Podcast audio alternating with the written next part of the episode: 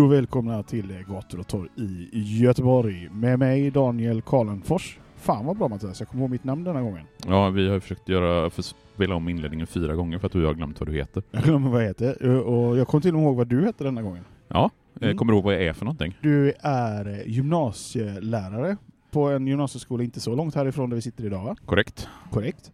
Eh, Du är någon slags allmänexpert. Ja, jag eh, kan mycket om mycket, eller åtminstone jag kan läsa mig in på saker och ting och berätta om dem.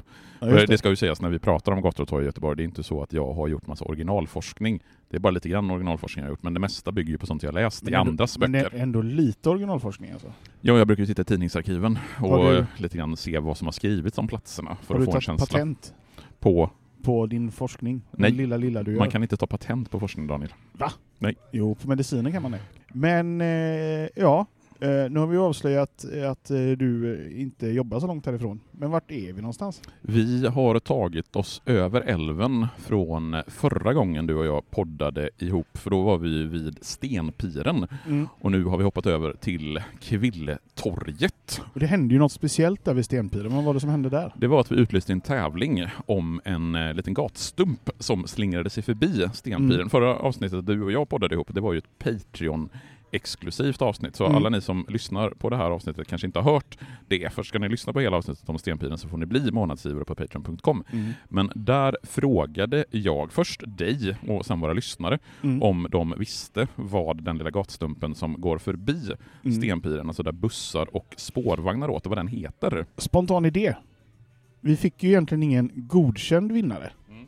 Ska vi, ska vi förlänga tävlingen? Det tycker jag inte, utan vi, Nej, vi ger svaret nu och så kanske vi lägger till en ny tävling den här gången och ser Ja. om vi får någon, eh, någon som kan svaret. För vi har ju fått ett svar på frågan och det var vi på Instagram. Mm. Men den personen som svarade erkände ju att han hade sökt på en karta så det kan vi inte riktigt godkänna. Men det rätta svaret åtminstone, det är Mm. Blixtbrickegatan. Och det är ju en gatstump som väldigt få tror jag vet att den överhuvudtaget existerar. Och blixtbricka var ju inte det jag trodde att det var. Nej, du trodde att det hade någonting med elektricitet och, någon Och, platta. och, och ledare och, och alltså så här blixt, vad säger man?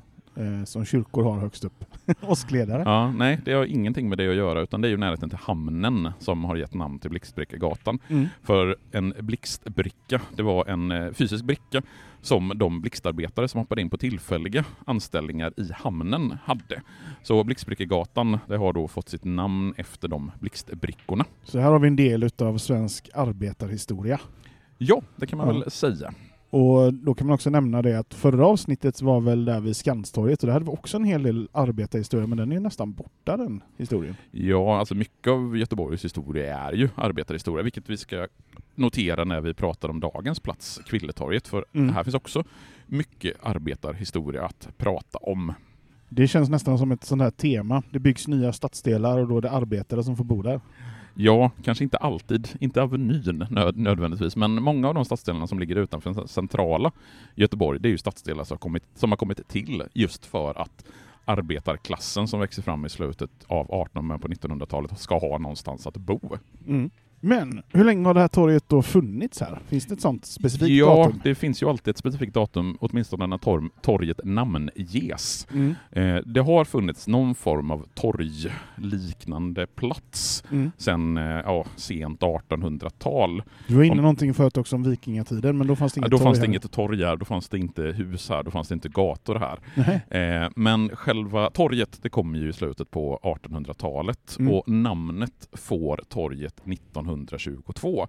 Och när man tittar i tidningsarkiven efter namnet Kvilletorget, då är det just på 1920-talet som namnet Kvilletorget börjar användas. Mm. Och den första kartan som jag har hittat där Kvilletorget finns utsatt, det är en karta från 1923. Så vi kan ju säga att just Kvilletorget, platsen, får sin liksom, funktion, sitt namn i början på 1920-talet. Mm. Och detta är ett Patreon-exklusivt avsnitt så att det här får ju bli teasern och alla ni andra får ju nu fortsättningen på allting. Ja, ska du lyssna på det som komma skall nu så måste du gå in på patreon.com gator och torg i Göteborg och bli månadsgivare. Ni som redan är månadsgivare, ni kan lyssna vidare.